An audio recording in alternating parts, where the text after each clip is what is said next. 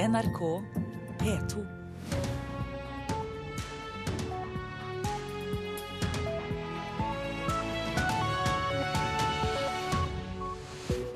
Her fortsetter Nyhetsmorgen med Øystein Heggen i studio. I Kina svinger aksjene opp og ned etter at eh, børshandelen startet i dag. Vi skal straks ta inn vår Asia-korrespondent for den siste oppdateringen. Flere politikere opplever netthets. Noen av dem må skjerme barna mot stygge kommentarer. Mange bruer og veier er ikke utbedret etter storflommen i Lillehammer i fjor. Beboerne kritiserer kommunen. Litterær, litterær likskjending, det er Anne Holts kommentar til siste bok, basert på Stig Larssons Millennium-univers. Ja, Verdien av kinesiske aksjer har falt med nær 20% i løpet av tre dager. I går kveld senket Kinas sentralbank styringsrenten og kuttet i kapitalkravet til bankene. Korrespondent Peter Svaar, du er med oss fra Beijing. Og hvordan er utviklingen på kinesiske og asiatiske børser nå? Ja, Både i Shanghai og i Shenzhen er børsene forsiktig opp nå før eh, lunsjpausen i handelen her i Kina. Også rest, i resten av Asia er det en flat eller forsiktig oppgang på indeksene. Dette kommer jo etter gårsdagens rentekutt fra sentralbanken på et kvart prosentpoeng. Femte rentekuttet siden november og eh, etter at børsene har falt ganske kraftig de siste dagene her. Den store nyheten eh, her akkurat nå er at eh, Hongkong-avisen South China Morning Post nå melder at Chu Gang, som er leder for Kinas største meglerhus, Citic Securities, er arrestert av politiet. Det er åtte andre i det samme meglerhuset som nå er under granskning. Og Det er ikke kommet noen nærmere begrunnelse foreløpig, men det sammenlignes jo her med at sjefen for Goldman Sachs på Wall Street plutselig blir pågrepet. Og det er også et spørsmål om det vil komme flere arrestasjoner. For det er fire andre store meglerhus som nå har gitt beskjed til markedet om at de er under granskning for såkalte illegale transaksjoner. Og det er også journalister nå som har fått beskjed om at de granskes for såkalt ryktespredning. Det høres jo drastisk ut med dette fallet på aksjemarkedet, men hvis vi ser det i den store sammenhengen eh, og Kinas økonomiske utvikling, hvordan, hvordan ser det da ut? Ja, Det er ingen tvil om at det er dramatisk at børsen faller med godt og vel 16% på to dager. og Man kaller jo mandagen her i Kina for Black Monday. Men de kinesiske børsene har jo eh, gått eh, helt eventyrlig det siste året. Satte du penger i Shanghai-indeksen for ett år siden, så er aksjene dine fremdeles opp med over 30% Så det kommer veldig an på når man gikk inn i dette markedet, hvor mye penger man har tapt. Og Du sier altså at det har vært eh, arrestasjoner og det har vært redusert styringsrente. Det virker som kinesiske myndigheter gjør mye for å gripe inn for å dempe børsfallet, redusere problemene. Ja, de gjør jo veldig mye, og det kommer nye tiltak nå hver dag. Mandag eh, ble det jo klart at Kinas statlige pensjonsfond skal inn og kjøpe aksjer. I går kom denne rentenedsettelsen, og i dag eh, altså varslene om en eh, aksjon, virker det som, mot eh, meglerhusene for å motvirke ulovlig handel og, og innsidehandel. Så det er fortsatt litt eh, tidlig å si hvor hardt kinesiske myndigheter vil slå til mot eh, meglerhusene her. men men det er altså flere som er under granskning, og det kan også komme flere tiltak. Det er eh, fra kinesiske myndigheters side veldig maktpåliggende å forsøke å stabilisere disse markedene.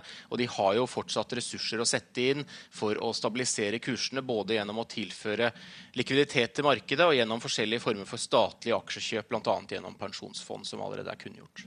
Hvilken virkning har dette børsfallet for kinesere flest? Hvordan, hvordan tar de det? Ja, Det er jo veldig mange som jeg snakker med her i Beijing som har tapt penger. Noen har tapt mye, andre har tapt lite. Men kinesere har virkelig kastet seg over aksjebølgen det siste året. Det er taxisjåfører her i Beijing som har sittet i bilen mellom eh, turer med passasjerer og kjøpt og solgt aksjer fra smarttelefonen sin i forsetet.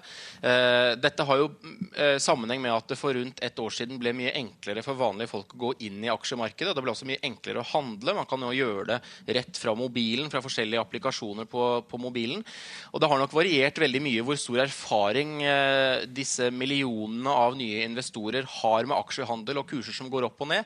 Men eh, det er jo kjent at eh, det bare i år ble opprettet flere millioner nye handelskontoer på, i, i, kinesiske meglerhus. Og det er jo en, en, nærmest en eksplosjon i nye handlere som man ikke, knapt har sett noe annet sted. Mange takk for den oppdateringen, Asia-korrespondent eh, Peter Svår. Flere politikere her hjemme opplever det de mener er netthets. Flere folkevalgte NRK har snakket med syns det er trist at familien må lese stygge kommentarer om dem i sosiale medier.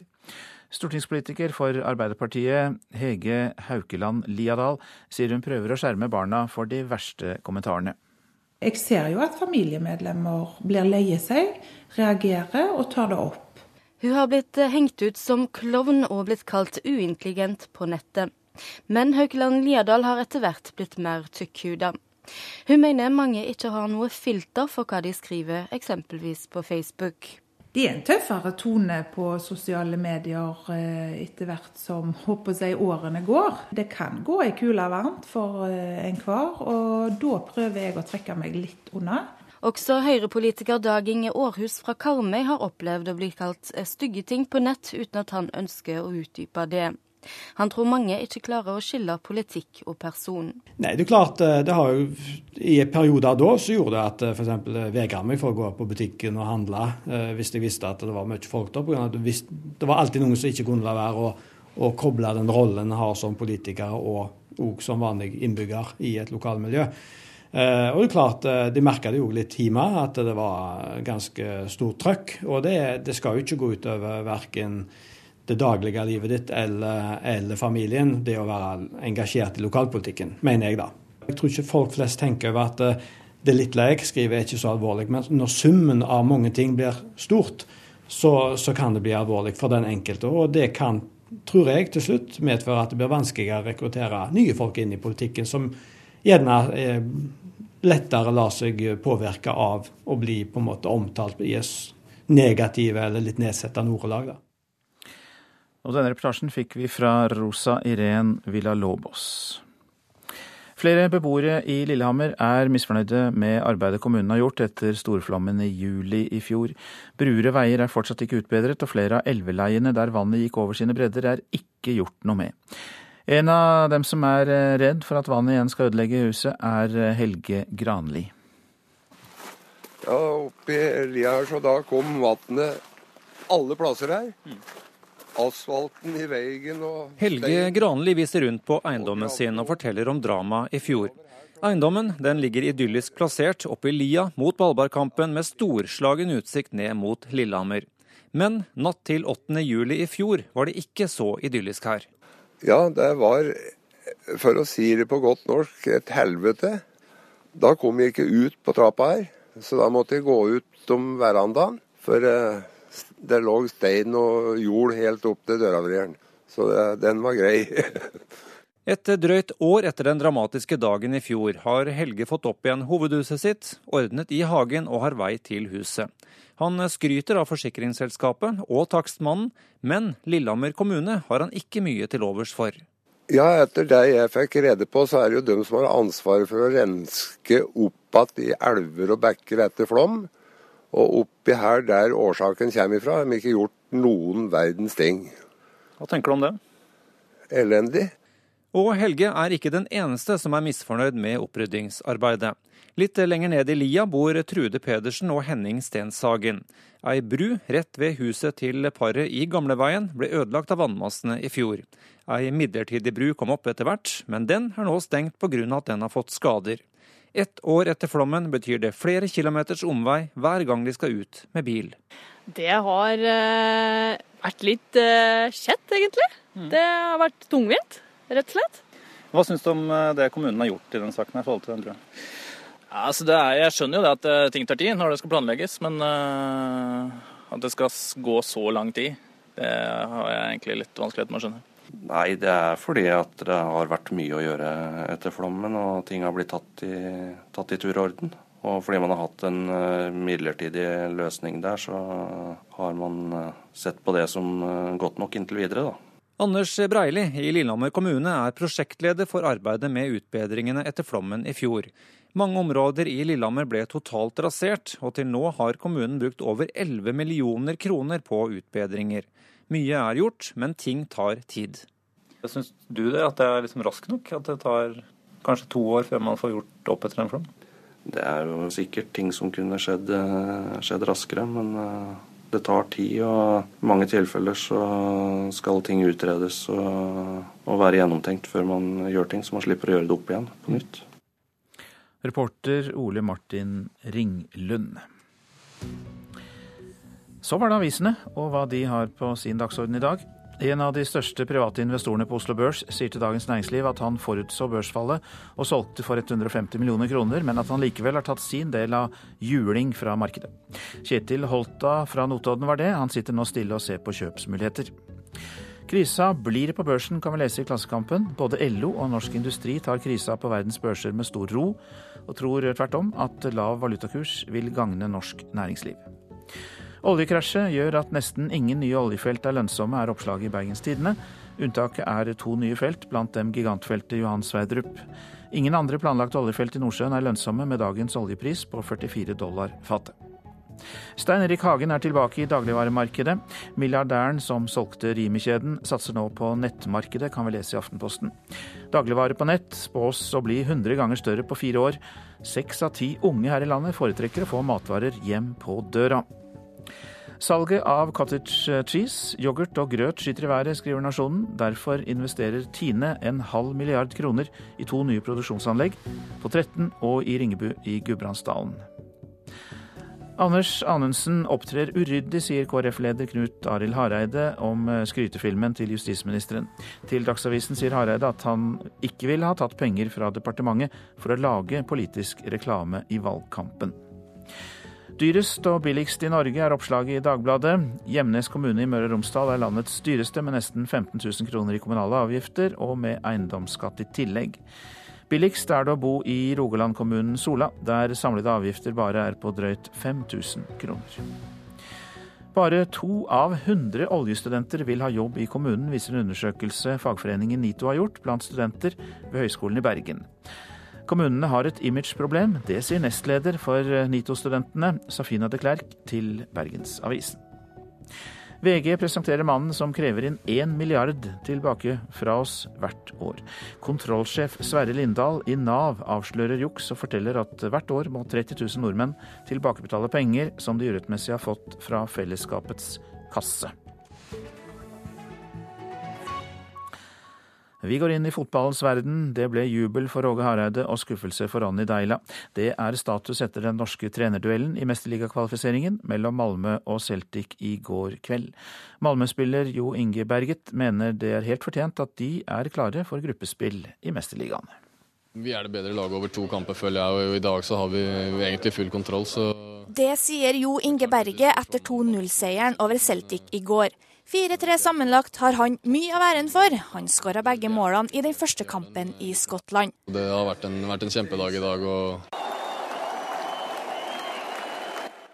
Over 20 000 tilskuere sørget for ellevill stemning på stadion. Malmö fikk umiddelbart et overtak på hjemmebane og skapte langt mer farligheter enn gjestene. Malmö-trener Åge Hareide ble hylla etter kampen, og han var naturligvis stolt over egne spillere. Jo Inge Berge mener Hareide skal ha mye av æren for at de nå skal spille mesterliga.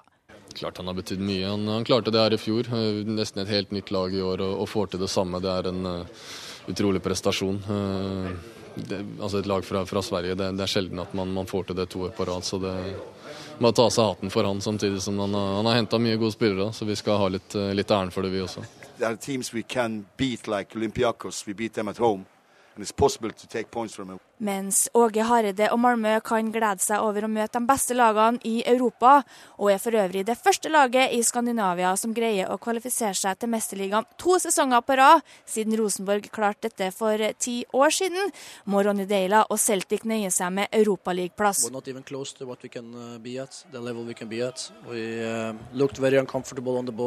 uh, det sa han skuffet Deila på pressekonferansen etter kampen. Jo Inge Berge synes synd på den norske treneren. Ja, det, det er det. Og klart han har to år på rad er det ikke helt godt som, som det skulle for hans del. Men eh, sånn for, for, meg så er det vanskelig å føle så mye synd på han i dag. Det, jeg skal få lov til å glede meg i dag, og det, det skjønner han godt. Jo Inge Berget sa det, og disse glimtene fra Malmö fikk vi fra reporter Signe Oppsal. Klokka den nærmer seg 6.48. Dette er hovedsaker. Elevene i Bergen gjør det bedre på skolen enn elevene i Trondheim. Det skjer selv om det er høyere pengebruk i Arbeiderpartistyrte Trondheim enn i borgerligstyrte Bergen. Mer om det i Politisk valgkvarter klokka 7.40. I Kina svinger aksjen opp og ned etter at handelen startet i morgentimene. Kina har kuttet styringsrenten for å forsøke å dempe bekymringen rundt landets økonomi. Flere norske politikere opplever netthets. Noen av dem må skjerme barna mot stygge kommentarer. Så er det kommet inn en melding nettopp om at to Nato-soldater er drept i et angrep på en base sør i Afghanistan. Det melder nyhetsbyrået AFP. Gjerningsmennene skal ha vært kledd i afghanske militæruniformer. Det er ikke kjent hvilken nasjonalitet de drepte Nato-soldatene har.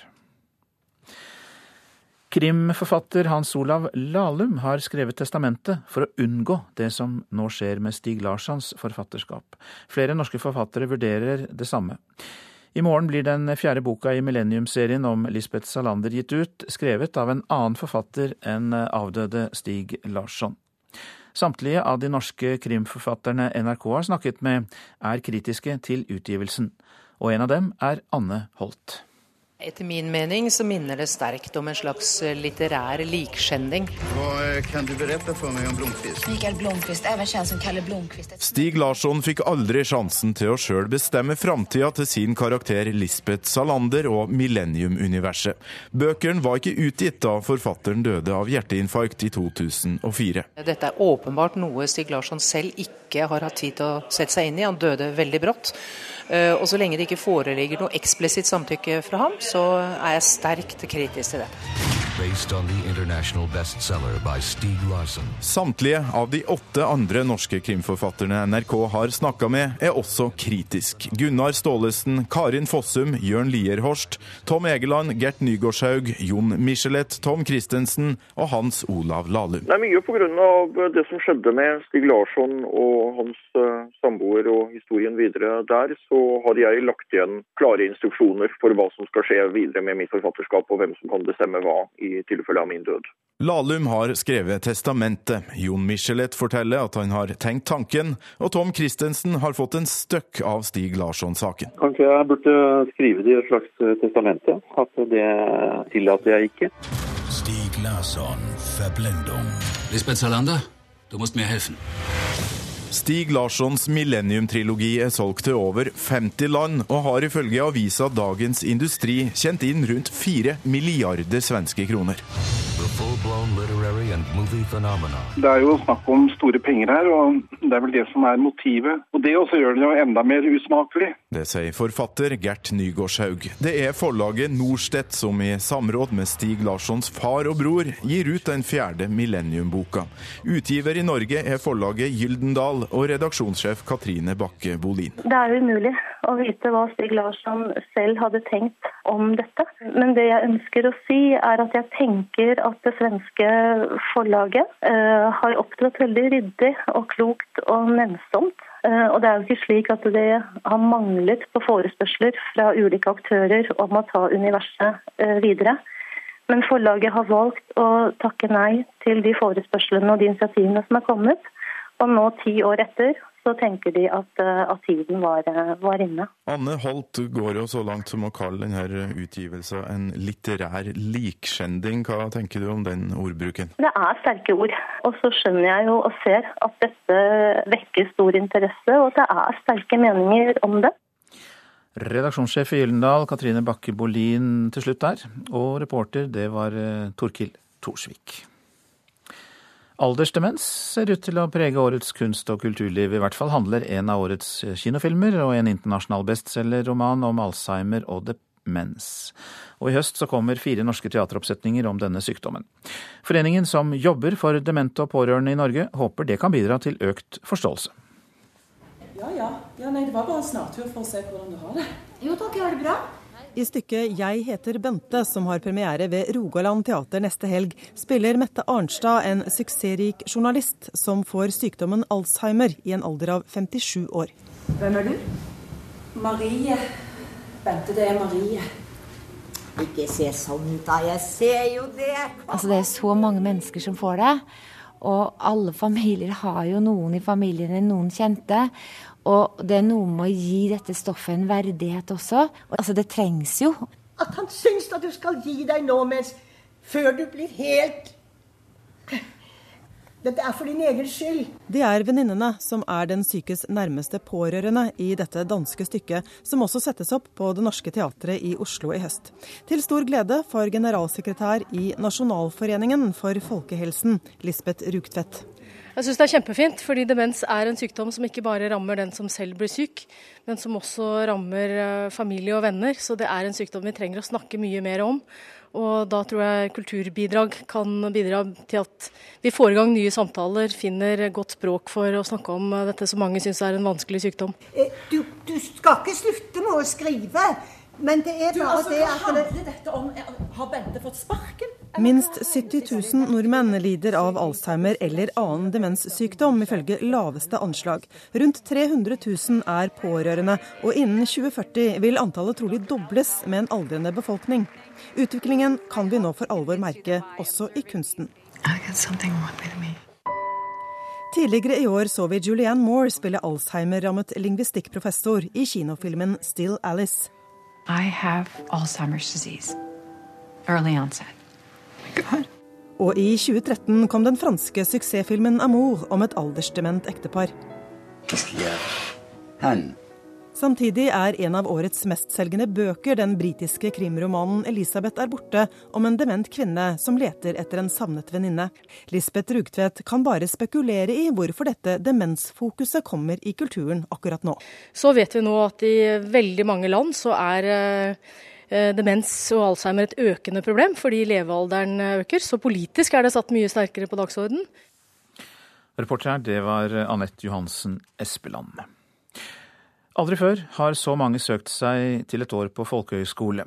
I år har 7000 unge fått plass over hele landet, og ved Ringerike folkehøgskole har de tatt i bruk en lærerbolig for å få plass til alle elevene.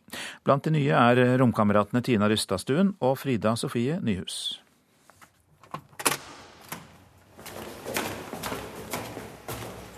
De sier jo da at det skal bli et av de beste årene i ditt liv, så jeg har vel høye forventninger. De to jentene som går foran meg opp trappa, kjente ikke hverandre for noen timer siden. Men nå skal Frida Sofie Nyhus og Tina Rustadstuen vise meg rommet som de skal dele det nærmeste året her på Ringerike folkehøgskole. Og her var vi. Hvilken side er det som er din her da, Tina? Jeg har den med altfor mye ting. jeg har lyst til å gjøre noe jeg elsker hver dag i et helt år, eh, som er musikk og teater. Og jeg tror det en folkehøyskole kommer til å gi deg akkurat det. Jeg håper vel egentlig å utvikle danseferdighetene mine videre og min dansekunnskap og drive med afrikansk dans. For det er på en måte det jeg er interessert i og det som jeg gleder meg litt til. Og bare egentlig være sosial og være med på morsomme prosjekter og reiser osv. 7000 elever har denne høsten begynt på en av de 76 folkehøyskolene i landet. Det er ny rekord, forteller daglig leder i informasjonskontoret for folkehøyskolene, Dorte Birk. Det er jo veldig gledelig. Vi merker jo at det fortsatt drypper inn ganske mange søknader. Og, og vi tar imot elever eh, også et par uker inn i, i skolestart. Hva kommer det av, tror du, at det er så mange som nå ønsker å gå på folkehøyskole? Jeg tror det er uh, veldig sammensatt, men jeg tror det at vi er et litt annet uh, skoleslag hvor det ikke er eksamen og ikke karakterer, men hvor vi bare jobber med hva kan man si, motivasjon og gleden ved å lære, det tror jeg slår veldig godt igjennom hos unge som har hatt så mye eksamener og karakterer de siste årene. Men det er to regler jeg skal bruke litt tid på akkurat nå. Rektor Morten Eikenes står i den nye teatersalen på Ringerike folkehøgskole og ønsker de 120 elevene sine velkommen. I år har han tatt inn fem elever ekstra pga. stor pågang. Ja, vi har jo, altså Alle elevene skal bo og sove hos oss. Så vi har 115 sengeplasser på skolen, på internatene våre. Eh, så nå har vi tatt i bruk en leilighet også for å legge de siste. Så de får kjempefasiliteter der, de altså. Ja, for Jeg leste i Ringerikes Blad at dere rett og slett har måttet skaffe en egen leilighet til de siste? Ja, vi har noen, eh, vi har noen sånne personalboliger som er rundt på huset her. Og det er en av de som står tomme, som vi nå kan da bruke som internat. Så det er jo helt perfekt for oss. Hvilke linjer er det som er mest populære, da? Altså, nå opplever vi en veldig jevn tilstrømning på alle linjene våre. Men det er klart scenelinjene våre er veldig populære, særlig med det nye, flotte teaterbygget som vi akkurat har bygd. Musikk og teater har lenge vært den som rekrutterer godt, men nå er det morsomt å se at standup revy og danselinja vår rekrutterer veldig godt det, det året her. Men dere, Hvordan blir det å bo her da et helt år? Jeg tror det blir veldig bra, spesielt med deg som romkamerat. Ja, jeg gleder meg veldig. Jeg er sykt fornøyd, faktisk. Det gikk kjempebra. Jeg var så nervøs for jeg skulle møte romkameraten min, for jeg var veldig tidlig ute. Og så var hun ikke her, og jeg bare Å nei, tenk så jeg må gå uten romkamerat. Men det gikk veldig bra, da. Romkameratene Tina Rustadstuen og Frida Sofie Nyhus hørte vi der. Reporter Anette Skafjell. Så skal jeg ta for meg været, da. Fjell i Sør-Norge først. Sørlig liten kuling utsatte steder. Spredte regnbyger. I kveld økende nedbør i sørlige og vestlige strøk av fjellet. Østafjells periodevis sørlig kuling, enkelte regnbyger. Mot kvelden økende nedbør og kan hende med torden i Agder og Telemark. Vestlandet sør for Stad. Sør og sørøst periodevis stiv kuling. Eh, regn og regnbyger. I kveld utrygt for torden. Møre og Romsdal og Trøndelag ser vi samlet. Enkelte regnbyger kan hende med torden. Helgeland, Saltfjellet, Salten og Ofoten. Utover dagen enkelte regnbyger på Helgeland, men ellers stort sett pent vær. Nordover til Lofoten og Vesterålen. I nord opp i nordøstlig liten kuling. Stort sett pent vær. Troms i kyststrøkene opp i nordøst liten kuling. Stedvis tåkeskyer, ellers pent. Finnmark enkelte regnbyger i øst, ellers opphold. Og Nordensjøland på Spitsbergen stort sett opphold. Først på dagen lokal tåke, riktignok. Temperaturer klokka fem. Svalbard fem, Kirkenes og Varde ni. Alta 11, Tromsø ti, Bodø 18, Brønnøysund 19, Trondheim 20, Molde 16, Bergen 15, Stavanger 13. Kristiansand-Kjevik 15, Gardermoen og Lillehammer begge med 14 grader. Røros 12 og Oslo-Blindern 15. NRK P2.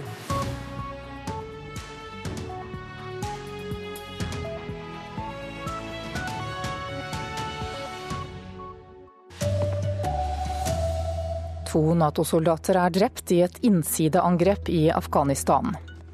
De asiatiske børsene er forsiktig opp nå, etter kraftig fall de siste dagene. Her er NRK Dagsnytt klokka sju.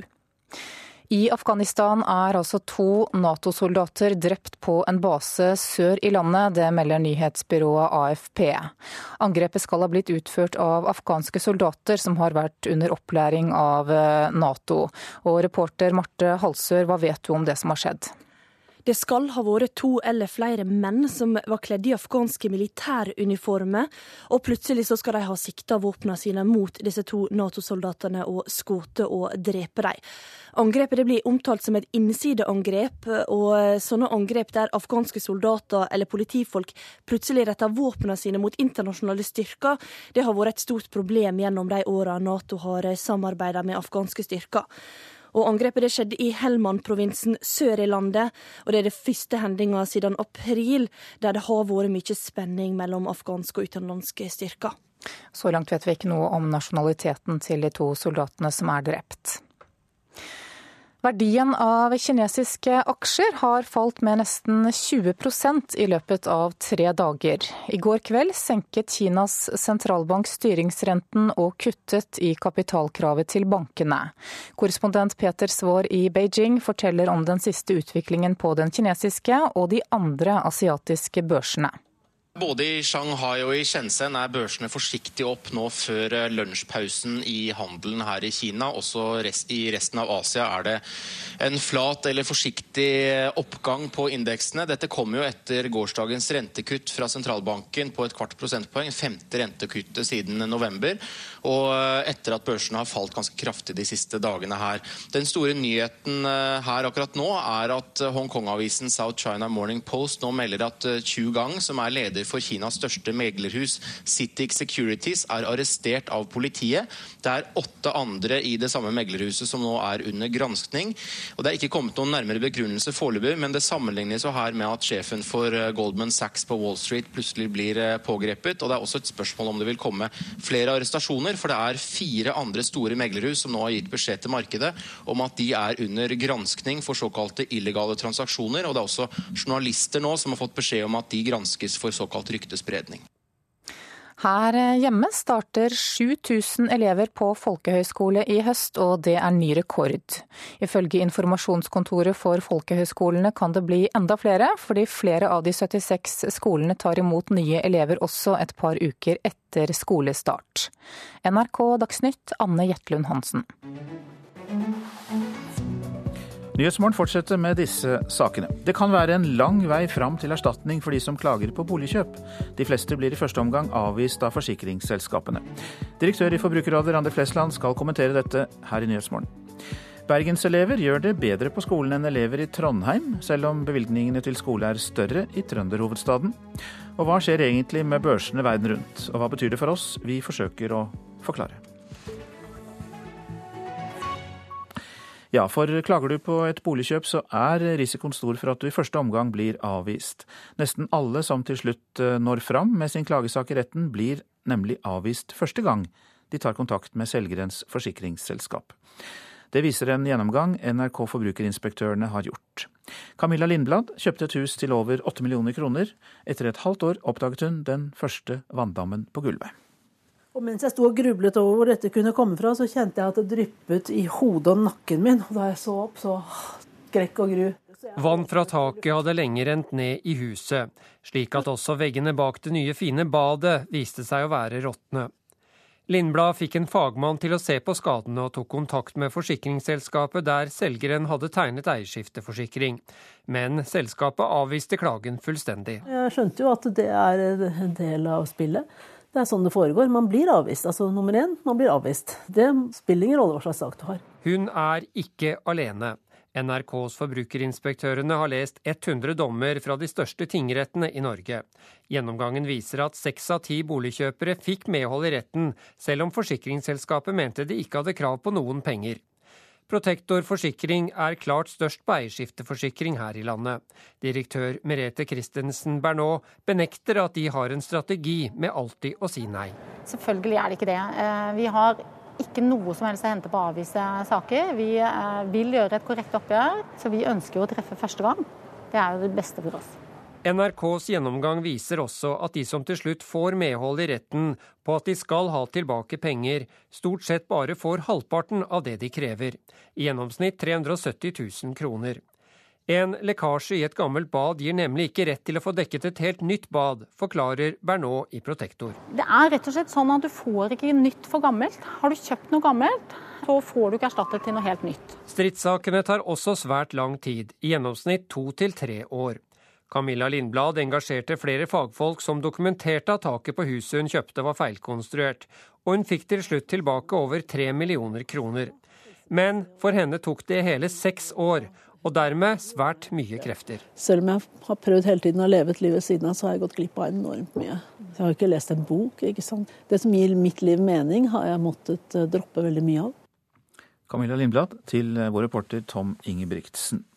Riktig god morgen, direktør i Forbrukerrådet Randi Flesland. God morgen. Hvordan reagerer du på at så mange blir avvist når de tar kontakt med forsikringsselskapet første gang for å få erstatning? Ja, Det syns jo vi er uh, veldig dårlig. Vi får mange fortvilte boligkjøpere som sier at de, en, at de møter en overmakt av drevne jurister som bare sier nei, nei. Uh, og slik skal det jo faktisk ikke være. Men tror du det er en del av spillet, som det ble sagt her, at forsikringsselskapene har en strategi med alltid å si nei først? Det er jo klart at det er det mest lønnsomme for forsikringsselskapet, men jeg håper jo at det faktisk ikke er tilfellet. Eh, nå handler jo dette om store beløp. Altså Bolighandel er en stor og viktig sak både med penger og at det er hjemmet ditt. Eh, og det er en stor fortvilelse når det tar så lang tid for å finne de gode løsningene. Og i våre undersøkelser så viser det seg faktisk at hver sjette boligkjøper finner at tilstanden på det de har kjøpt er dårligere enn det de antok da de kjøpte den. Det er ganske høyt og faktisk hver syvende klager. Så det er et høyt eh, hva skal jeg si, konfliktnivå innenfor bolighandel. Eh, Derfor har jo Forbrukerrådet i veldig mange år jobbet for å få ned dette konfliktnivået. Og da kanskje vi slipper veldig mye av disse forsikringssakene hvis begge parter har mest mulig kunnskap når de selger. Ja, hvordan har dere klart å få ned, eh, og hvordan håper dere å få ned konfliktnivået? Det vi ønsker er jo at det skal være en teknisk tilstandsrapport av en autorisert takstmann som gjør at alt syns. Da vil sannsynligvis du få riktigere priser, og du vil ha riktig kunnskap. Da vil både selger og kjøper vite. Og f.eks. En, en god selger da, som har en velholdt bolig, vil sannsynligvis få en høyere pris i dag. Og den som har ikke gjort det så bra, så vil det være synlig for kjøper før man gir bud. Og det vil redusere konfliktnivået vesentlig. Det ser vi bl.a. i Danmark. De har en veldig god erfaring med dette. Men selv en takstmann kan jo ta feil. En takstmann kan uh, unngå å se ting. Da står man oppe i problemer da også. Hva skjer da?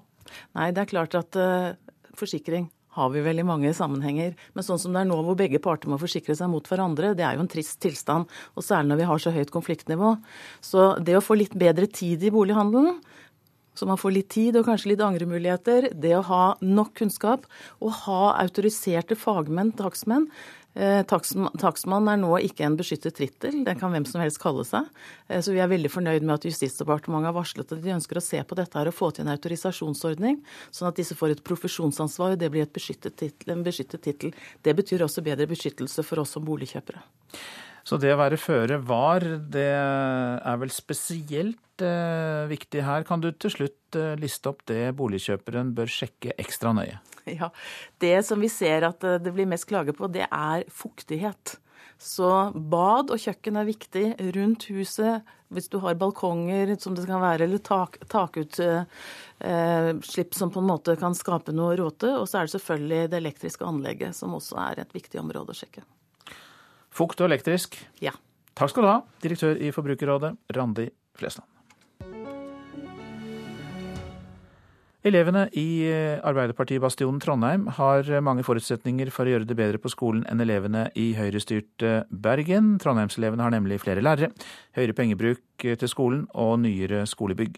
Men likevel, elevene i Bergen gjør det litt bedre på skolen. Og det overrasker skoleforsker Thomas Nordahl. Jeg er ikke sikker på at den politiske farven har kanskje gjort utslag, men eh, skoleeierskapet tror jeg har gjort utslag i de to byene. 2 180 000. Fint. Hvilket tall skulle vi sammenligne dette med, Emilie? De øver på matte med store tall, sjuendeklassingene ved Møhlenpris skole i Bergen. Og tallene målt i skoleresultater viser et lite, men overraskende sprik mellom elevene her i Bergen og i Trondheim. Det sier skoleforsker ved Høgskolen i Hedmark, Thomas Nordahl. På grunnskolepoeng, som er den viktigste indikatoren på læringsutbytte i skolen, så scorer Trondheim dårligere enn Bergen. Eh, og om det er mye eller lite, det kan diskuteres. Men de skulle ut fra foreldres utdanningsnivå, som vi vet betyr mye, skåra litt bedre enn Bergen, og det gjør de ikke. Dessuten så bruker de litt mer ressurser, som òg da kanskje skulle indikere at de skulle forvente å ha noe bedre resultater. Så, så Bergen er, går, står på mange måter fram som vinneren på skolesektoren av de to kommunene. På vegne av NRK har Nordahl, som regnes som en av våre fremste skoleforskere, sammenligna skolene i de to byene. Bergen har i mange år vært styrt av de blå, mens Trondheim de siste tolv årene har vært Arbeiderparti-styrt. Det kan være mange grunner til forskjellene. Nordahl tror ikke det har med politisk farge, men med skoleeierskap å gjøre. De har kanskje hatt en ulik skolepolitikk i forhold til det at Bergen muligens har hatt et noe mer tydeligere forventninger, tydeligere ansvarliggjøring av skoleledere om å, å levere gode resultater til beste for elevene. Det syns jeg er veldig kjekt å høre. Det er også i tråd med den oppfatningen jeg har, og de tilbakemeldingene jeg får. En fornøyd Høyre-skolebyråd, Jana Middelfart Hoff, oppsummerer bergensk suksessoppskrift. Så jeg tror tydelighet, klare mål og frihet innenfor rammen.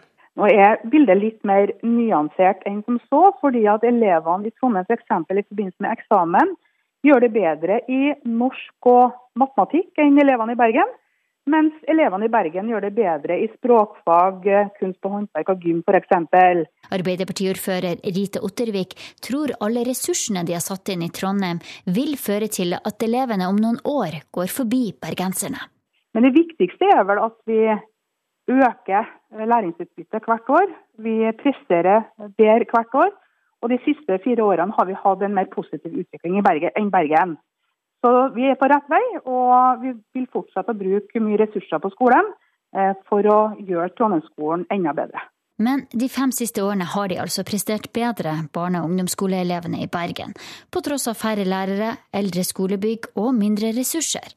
Kontaktlærer for sjuendeklassingene på Møhlenpris, Endre Warholm, tror det skyldes at de drar i samme retning, mot tydelige mål ingen konflikter om hva vi skal satse på. Så elevene de får det samme fra alle lærere. De samme ord, de samme tanker. Så det skaper en sånn helhetlig bevegelse som har vært veldig positiv.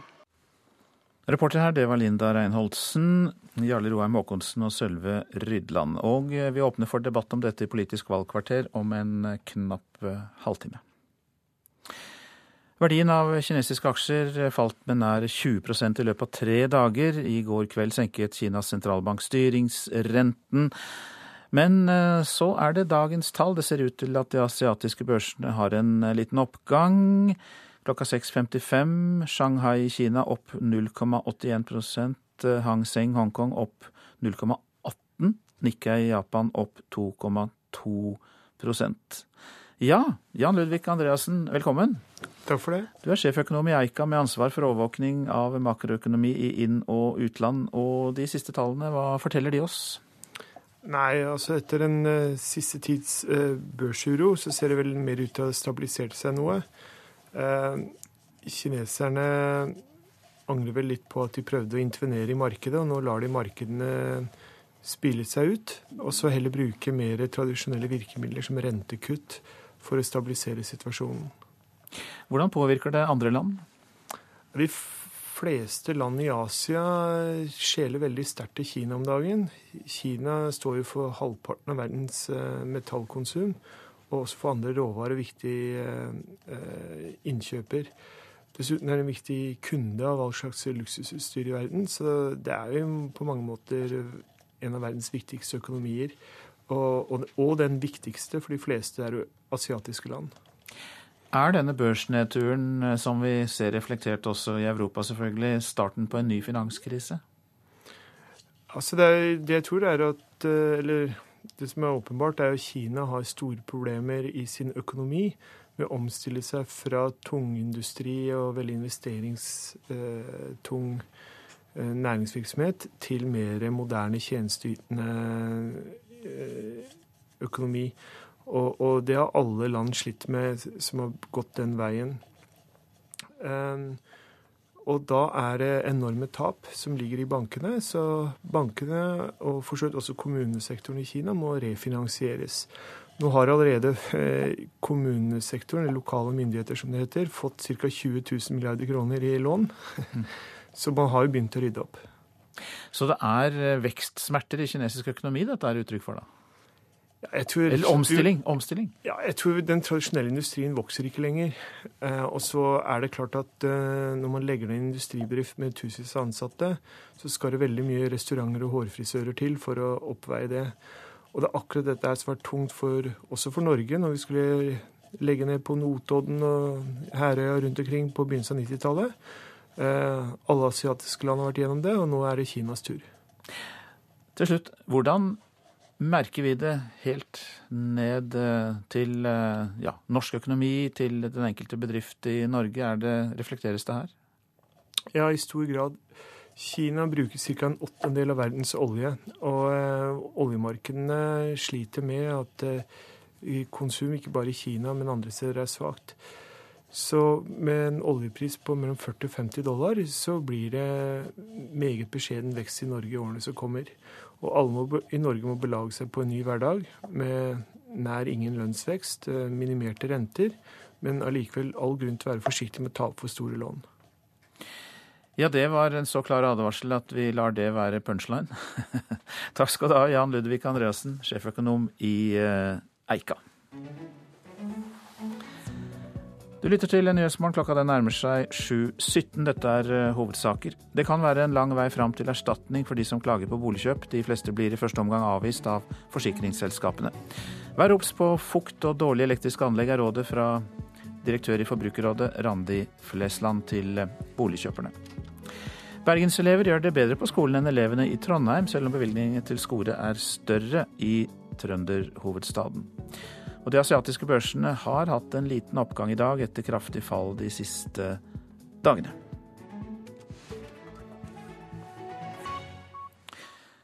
Rundt 3000 migranter kommer til å ta seg inn i Makedonia hver dag i tiden som kommer. Det er anslag fra FNs høykommissær for flyktninger.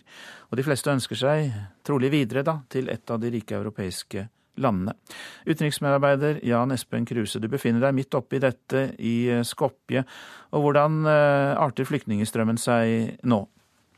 Ja, eh, I går kveld så hadde makedonske myndigheter eh, kjørt opp en lang lang rekke rekke busser rett på rett ved grensa til eh, Hellas. Eh, for eh, man regner da med at nye, store grupper med flyktninger vil ta seg over denne grensa, antageligvis både i løpet av natta og i, i løpet av dagen i dag. Og Myndighetene her i landet de har nå da helt åpenbart et sterkt ønske om å frakte disse flyktningene så raskt som overhodet mulig, da med, med massevis av busser fra fra grensa i sør og opp til eh, grensa i nord og få disse flyktningene videre inn i Serbia. Det er eh, det som er neste stopp på ruta deres.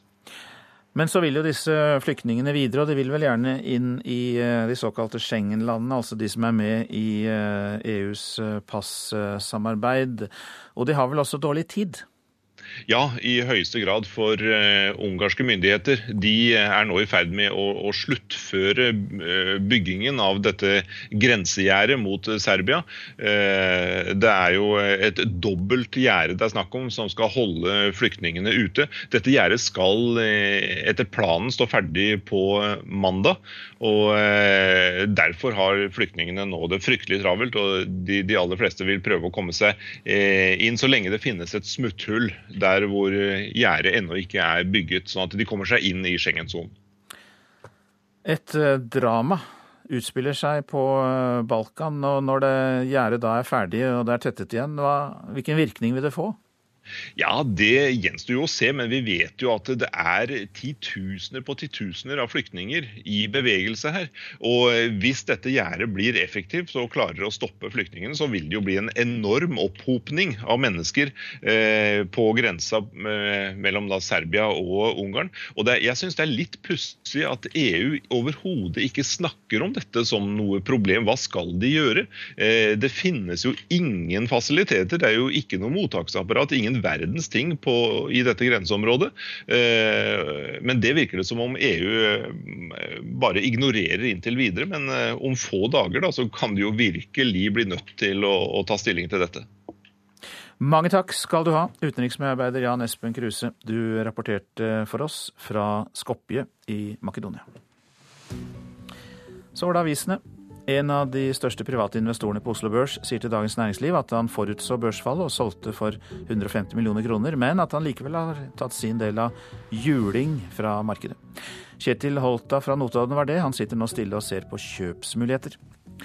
Krisa blir på børsen, kan vi lese i Klassekampen. Både LO og Norsk Industri tar krisa på verdens børser med stor ro, og tror eh, tvert om at lav valutakurs vil gagne norsk næringsliv. Oljekrasjet gjør at nesten ingen nye oljefelt er lønnsomme, er oppslaget i Bergens Tidende. Unntaket er to nye felt, blant dem gigantfeltet Johan Sverdrup. Ingen andre planlagte oljefelt i Nordsjøen er lønnsomme, med dagens oljepris på 44 dollar fatet. Stein Erik Hagen er tilbake i dagligvaremarkedet. Milliardæren som solgte Rimi-kjeden satser nå på nettmarkedet, kan vi lese i Aftenposten. Dagligvarer på nett spås å bli 100 ganger større på fire år. Seks av ti unge her i landet foretrekker å få matvarene hjem på døra. Salget av cottage cheese, yoghurt og grøt skyter i været, skriver Nasjonen. Derfor investerer Tine en halv milliard kroner i to nye produksjonsanlegg i Gudbrandsdalen, på Tretten og i Ringebu. Anders Anundsen opptrer uryddig, det sier KrF-leder Knut Arild Hareide om skrytefilmen til justisministeren. Til Dagsavisen sier Hareide at han eh, ikke ville tatt eh, penger fra departementet for å lage en slik politisk reklame i valgkampen. Dyrest og billigst i Norge er oppslaget i Dagbladet. Gjemnes kommune i Møre og Romsdal er landets dyreste med nesten 15 000 kroner i kommunale avgifter, og med eiendomsskatt i tillegg. Billigst er det å bo i Rogaland-kommunen Sola, der samlede avgifter bare er på drøyt 5000 kroner. Bare to av 100 oljestudenter vil ha jobb i kommunen, viser en undersøkelse fagforeningen NITO har gjort blant studenter ved Høgskolen i Bergen. Kommunene har et imageproblem, det sier nestleder for NITO-studentene der, Safina de Klerk, til Bergensavisen. VG presenterer mannen som krever inn 1 milliard kroner fra oss hvert år.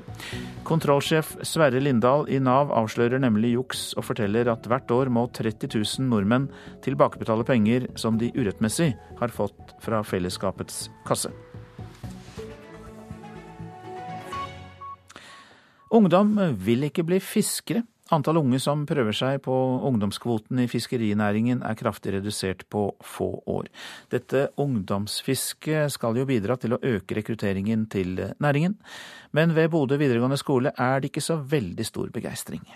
Det er ugunstige arbeidstider, det er mange som vil jobbe til faste tider. Det er jo mye fysisk arbeid, og pluss jeg liker ikke fisk. Ungdomsfiskeordninga gir de som er mellom 12 og 25 år muligheten til å drive fiske i sommerferien. Målet er å få flere unge til å bli fiskere, men interessen rundt ungdomsfiske er synkende. Hvis vi skal på en måte eh, i fremtida være en, en fiskerinasjon på det nivå som er i dag, så er vi avhengig av rekruttering. Det sier regiondirektør i Fiskeridirektoratet i Finnmark, Hermod Larsen. Direktoratet er ansvarlig for ungdomsfiskeordninga, og har tall som viser at mens 342 ungdommer deltok i fiske i 1995, er tallet i år bare 82. Samtidig minker antallet fiskere totalt, mens snittalderen øker. Leder i Norges Fiskarlag, Kjell Ingebrigtsen, vil likevel ikke svartmale situasjonen. Nei, det vil, jeg, det vil jeg bestemt motsi. Jeg syns jo det at eh, vi merker tydelig at ungdom er mer interessert i fiskeri- og sjømatnæringa totalt sett. Vi må stå på og sørge for at de ulike typer ordninger som er der, at vi presenterer dem for våre ungdommer, sånn at de er klar over mulighetene. Nylig lanserte regjeringa ei ny elevbedriftsordning innen fiskeri.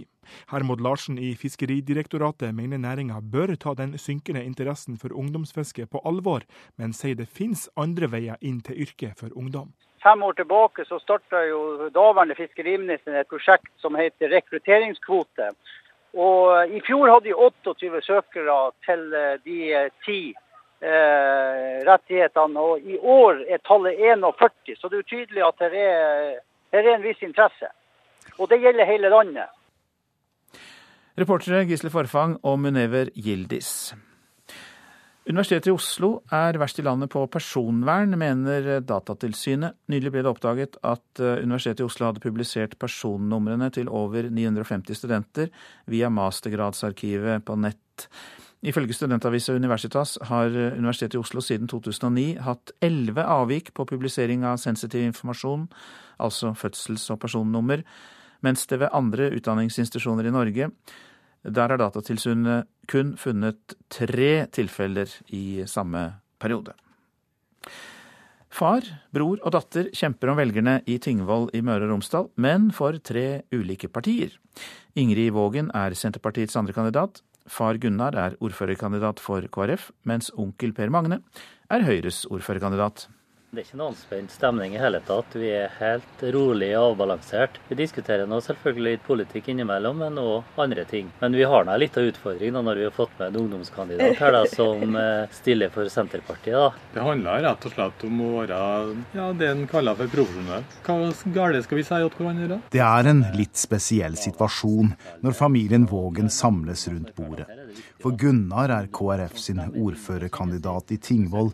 Lillebror Per Magne er Høyres ordførerkandidat, mens datteren til Gunnar, Ingrid, er andrekandidaten til Senterpartiet. Det er det partiet som har ordføreren i Tingvoll i dag. Og alle tre er sikret plass i kommunestyret etter valget. Det som er kanskje mest unikt, er jo at det er tre partier. da. Det var mer naturlig hvis det var samme parti, kanskje. Nei, men jeg syns det er helt naturlig. Jeg kan si jeg syns det var unaturlig at du har meldt inn i KrF, kan du si. Det er bra, du. ja, jeg syns egentlig det. For det er litt med opposisjon i forhold til foreldre, og ikke ga akkurat i samme fotspor. Om tre uker kommer velgernes dom. Da får vi vite om det er Gunnar, Per Magne eller Ingrid som er vinneren.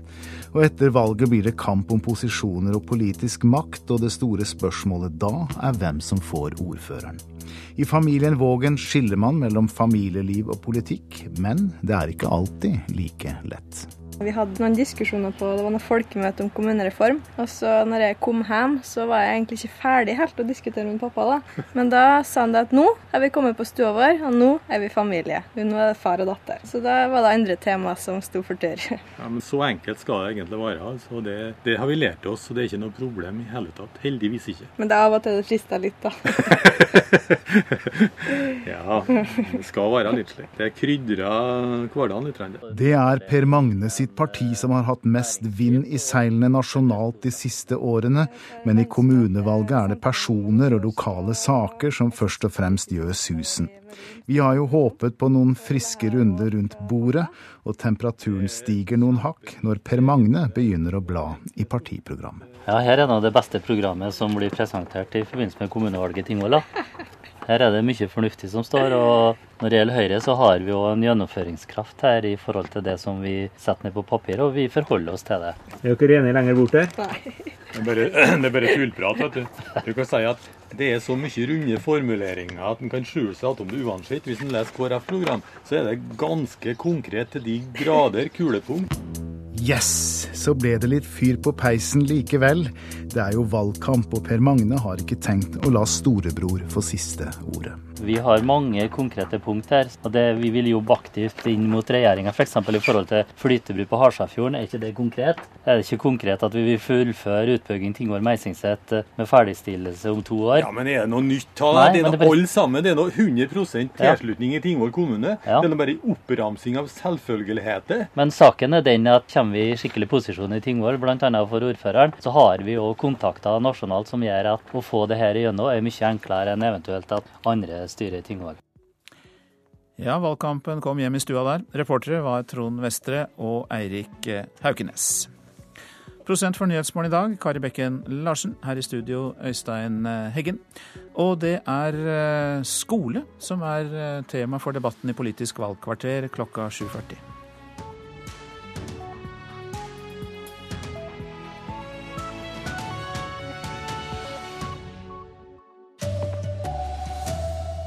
Over halvparten av alle som går til retten med klager på boligkjøp, får medhold. Til tross for flere lærere gjør elevene i Trondheim det dårligere enn elevene i Bergen. Og norske krimforfattere er kritiske til at en annen enn Stig Larsson har skrevet den fjerde boken om Lisbeth Salander. Etter min mening så minner det sterkt om en slags litterær likskjending. God morgen, her er NRK Dagsnytt klokka 7.30. Det kan lønne seg å gå til retten med konflikter etter boligkjøp. Halvparten av kjøpere som blir avvist av selgerens forsikringsselskap, vinner frem når de tar saken for retten. Det viser en gjennomgang NRK Forbrukerinspektørene har gjort. Camilla Lindblad kjøpte et hus til over åtte millioner kroner. Etter et halvt år oppdaget hun den første vanndammen på gulvet. Så kjente jeg at det dryppet i hodet og nakken min. Da jeg så opp, så skrekk og gru. Vann fra taket hadde lenge rent ned i huset, slik at også veggene bak det nye, fine badet viste seg å være råtne. Lindblad fikk en fagmann til å se på skadene og tok kontakt med forsikringsselskapet der selgeren hadde tegnet eierskifteforsikring.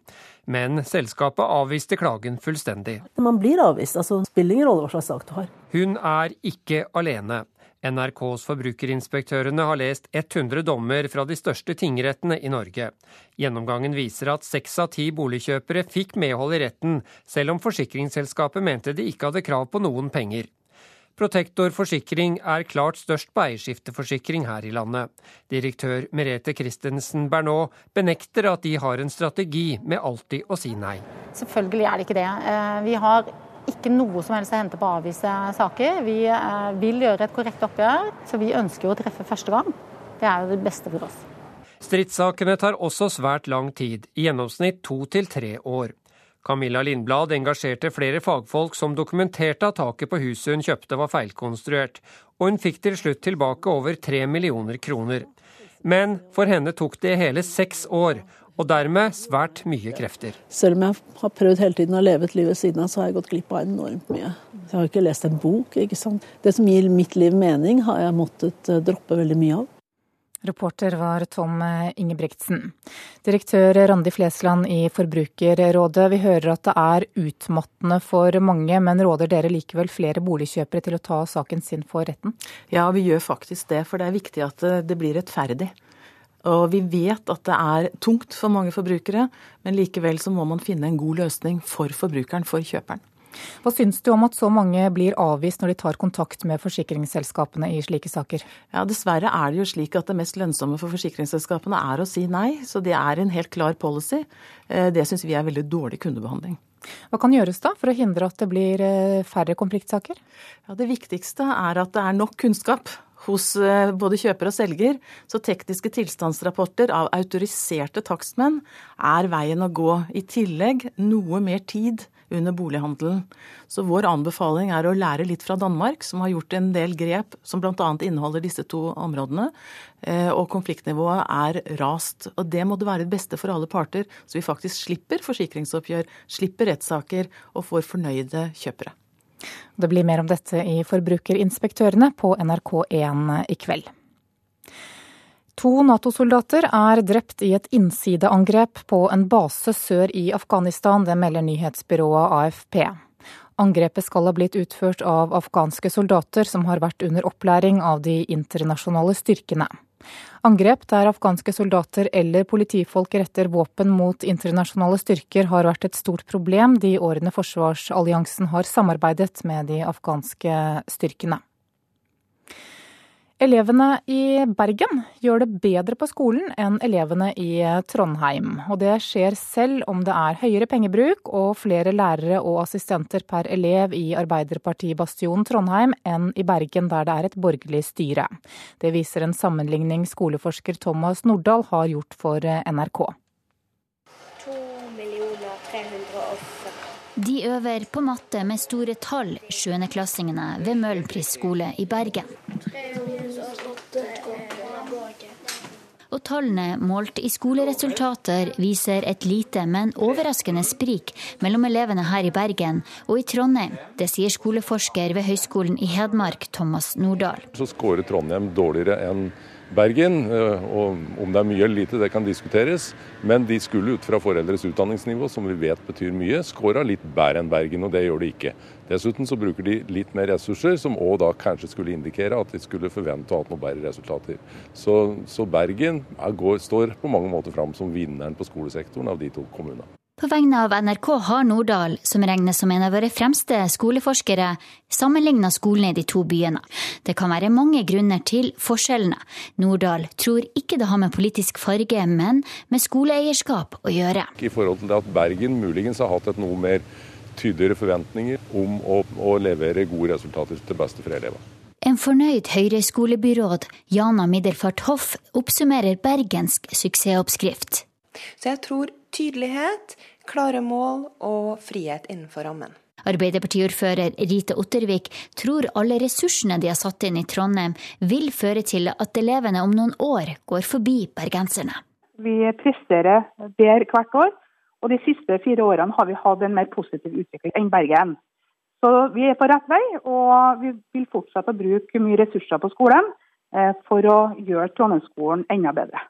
Og reportere her var Linda Reinholdsen, Sølve Rydland og Vilde Helgesen. Tre personer er funnet døde på en gård i Åleborg i Danmark. Politiet beskriver dødsfallene som mistenkelige og etterforsker saken som drap, ifølge nyhetsbyrået Ritzau. Det er så langt ikke kjent hvem de døde er. Norske krimforfattere er kritiske til utgivelsen av den fjerde boken i Millennium-serien om Lisbeth Salander. Boken er nemlig skrevet av en annen forfatter enn avdøde Stig Larsson. Og en av dem som rister på hodet, det er forfatter Anne Holt. Etter min mening så minner det sterkt om en slags eh, litterær likskjending. Stig Larsson døde i 2004 og fikk aldri sjansen til å sjøl bestemme framtida til Lisbeth Salander og sitt krimunivers. Og så lenge det ikke foreligger noe eksplisitt samtykke fra ham, så er jeg sterkt kritisk til det.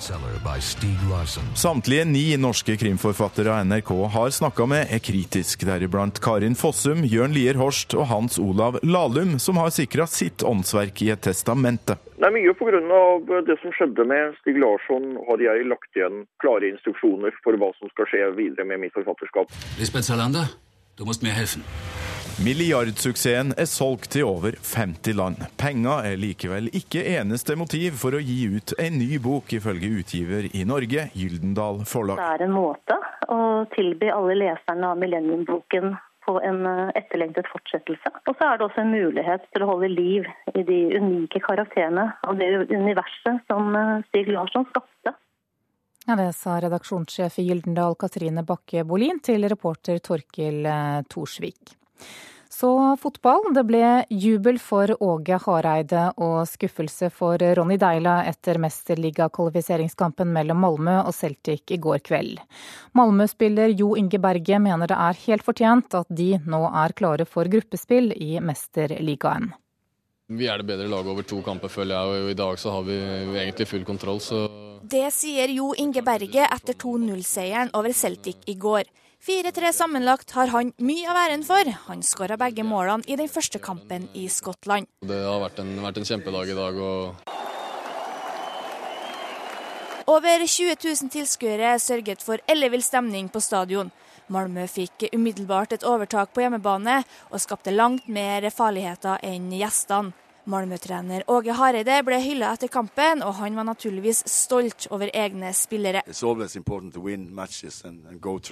Mens Åge Hareide og Malmö kan glede seg over å møte de beste lagene i Europa, og er for øvrig det første laget i Skandinavia som greier å kvalifisere seg til Mesterligaen to sesonger på rad, siden Rosenborg klarte dette for ti år siden, må Ronny Deila og Celtic nøye seg med europaligaplass. Uh, uh,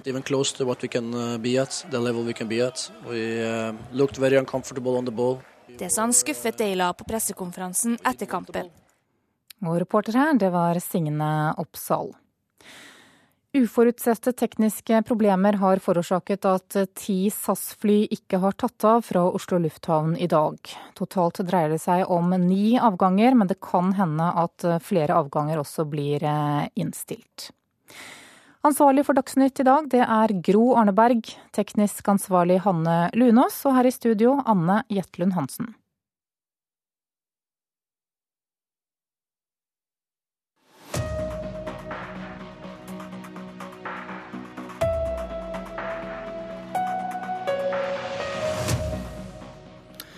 Blå Bergen vinner skolekampen mot røde Trondheim. En av Norges mest kjente skoleforskere har vært dommer, men til store protester.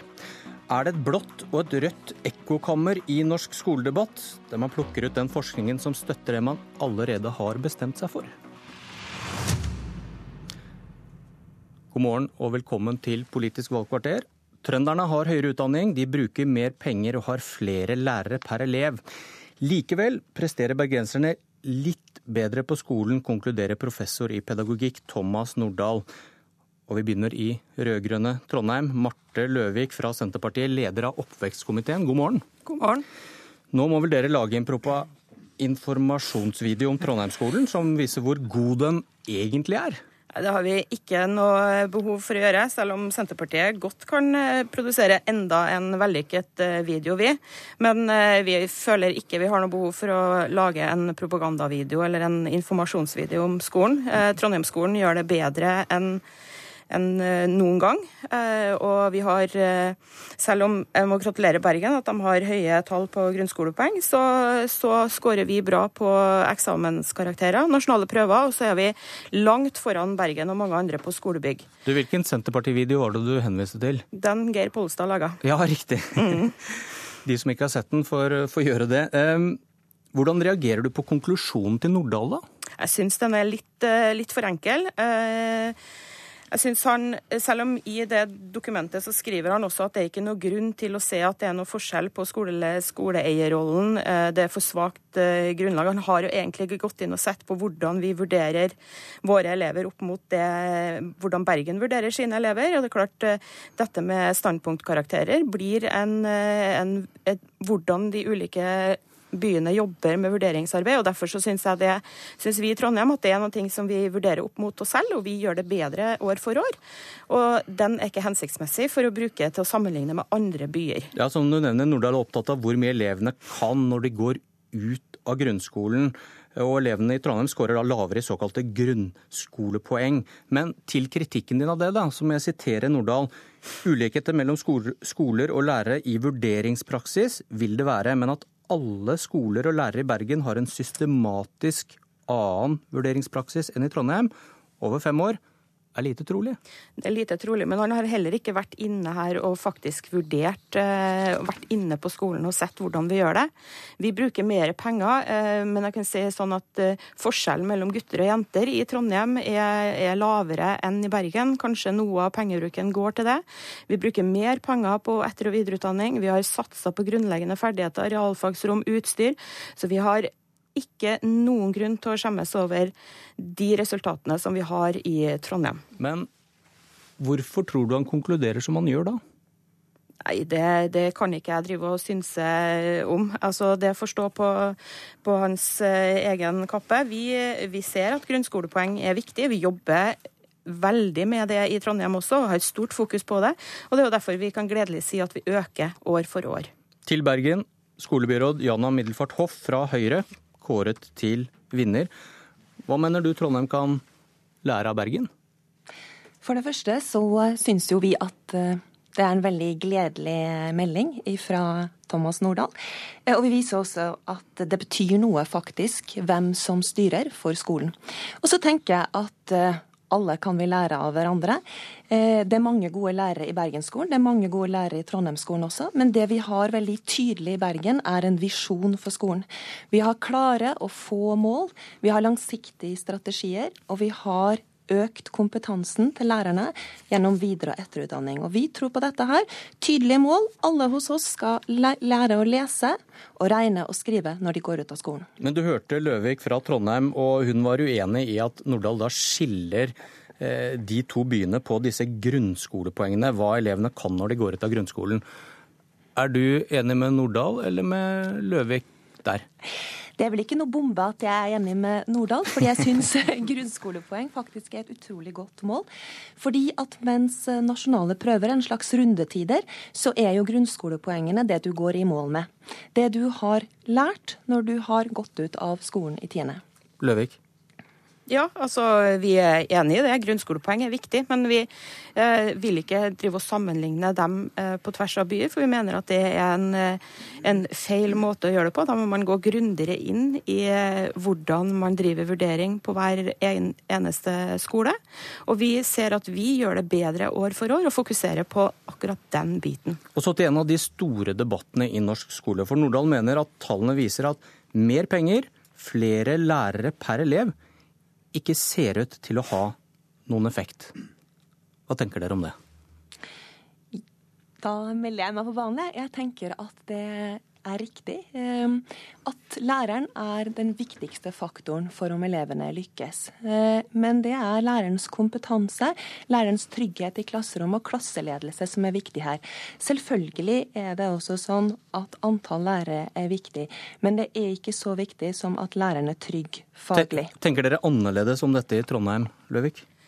Nei, altså Vi tenker at læreren er eh, absolutt viktig, og vi mener fortsatt og kommer til å fortsatt satse på å ha flere lærere inn i skolen. For altså flere lærere har mer tid per elev, og da klarer vi å løfte både de sterkeste og de svakeste elevene. Og vi har som sagt mindre forskjeller mellom gutter og jenter på grunnskolepoeng enn alle andre byer utenom Tromsø. Så her slår vi Bergen, og da klarer vi å løfte noen av de som da skårer svakere enn det Bergen klarer å gjøre. Takk Trondheim, og avslutte med litt spark på leggen til Bergen, da, for, til tross for skryten fra Nordahl.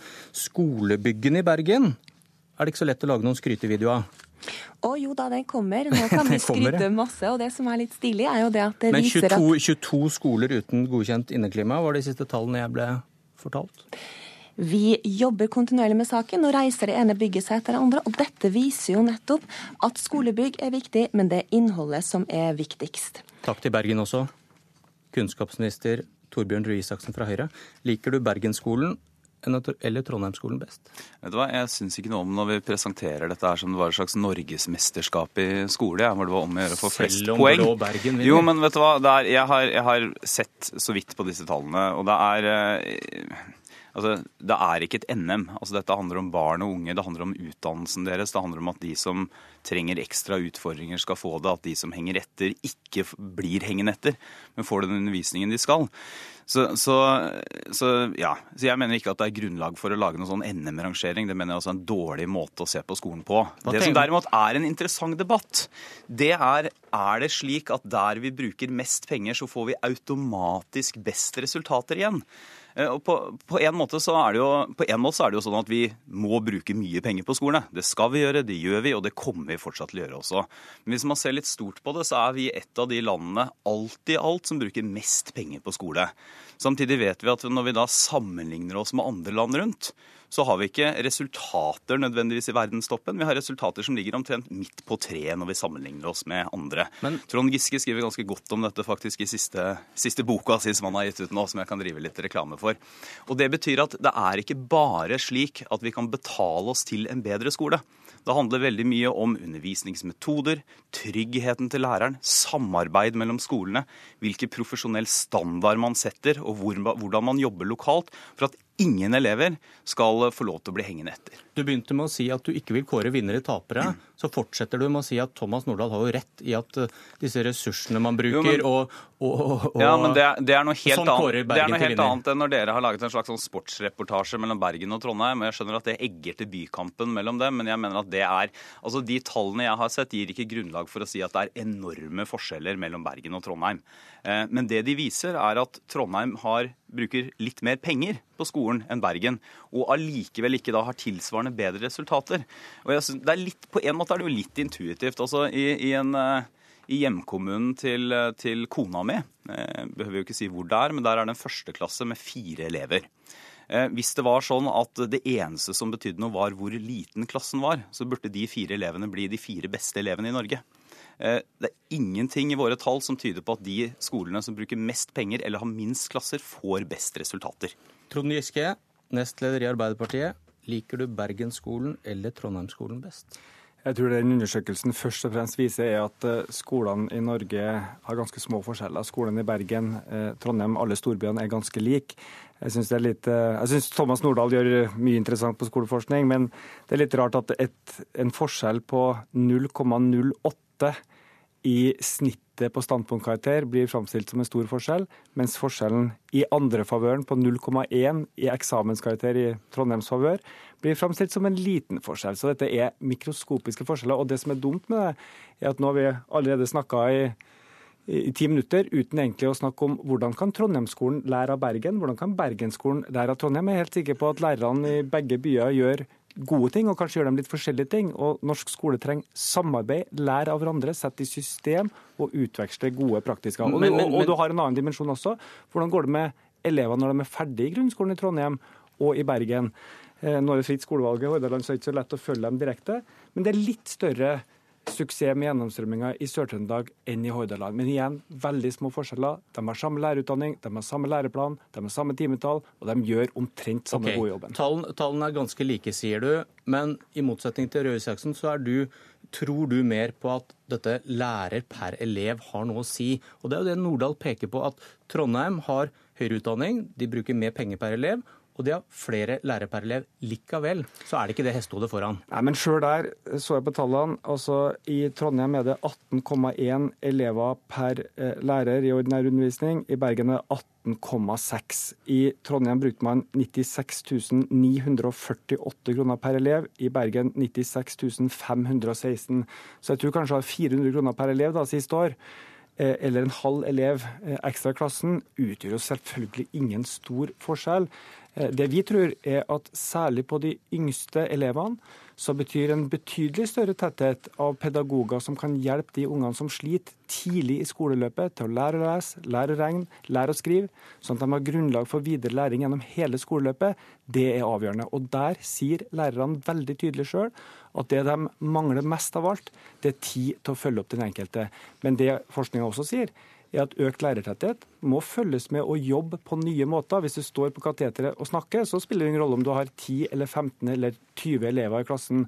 Men hvis du går rundt i klassen, hjelper den enkelte, bøyer deg ned, løser oppgaver sammen med dem, forklarer, så er det jo helt innlysende at økt tid for lærere med elevene, det gir også bedre læring. Dette skjønner jo alle. Nestleder i Kristelig Folkeparti, Dagrun Eriksen. Nå vet jeg ikke om jeg tør å spørre om du liker Bergensskolen eller Trondheimsskolen best, men jeg spør, likte du det Torbjørn Røe Isaksen sa, eller det Trond Giske sa? Jeg liker litt det Thomas Nordahl sier, jeg da. Eh, og jeg syns vi skal bruke dette som en mulighet både fra Bergen og, eh, og, Trondheim til å se hvordan kan vi faktisk lage en bedre skole.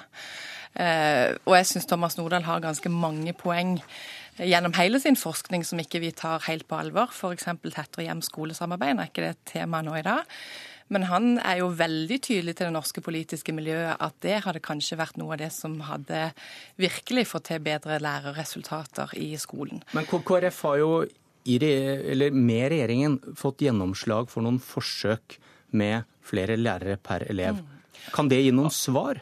Ja, og det er jo det. For vi, jeg tenker det er viktig å lære eh, av, av, de eksemplene vi har. Dovre kommune har prøvd noe. Og det er å målrette lærerressursene inn i første til fjerde klasse for å se om det er et virkemiddel for å få til det som alle ønsker for norsk skole, nemlig tidlig innsats. Vi trenger å avdekke de elevene som trenger hjelp mye tidligere i norsk skole enn det vi gjør nå. Nå pøser vi inn med spesialundervisning i 10. klasse. Vi burde gjort det i første, andre og tredje.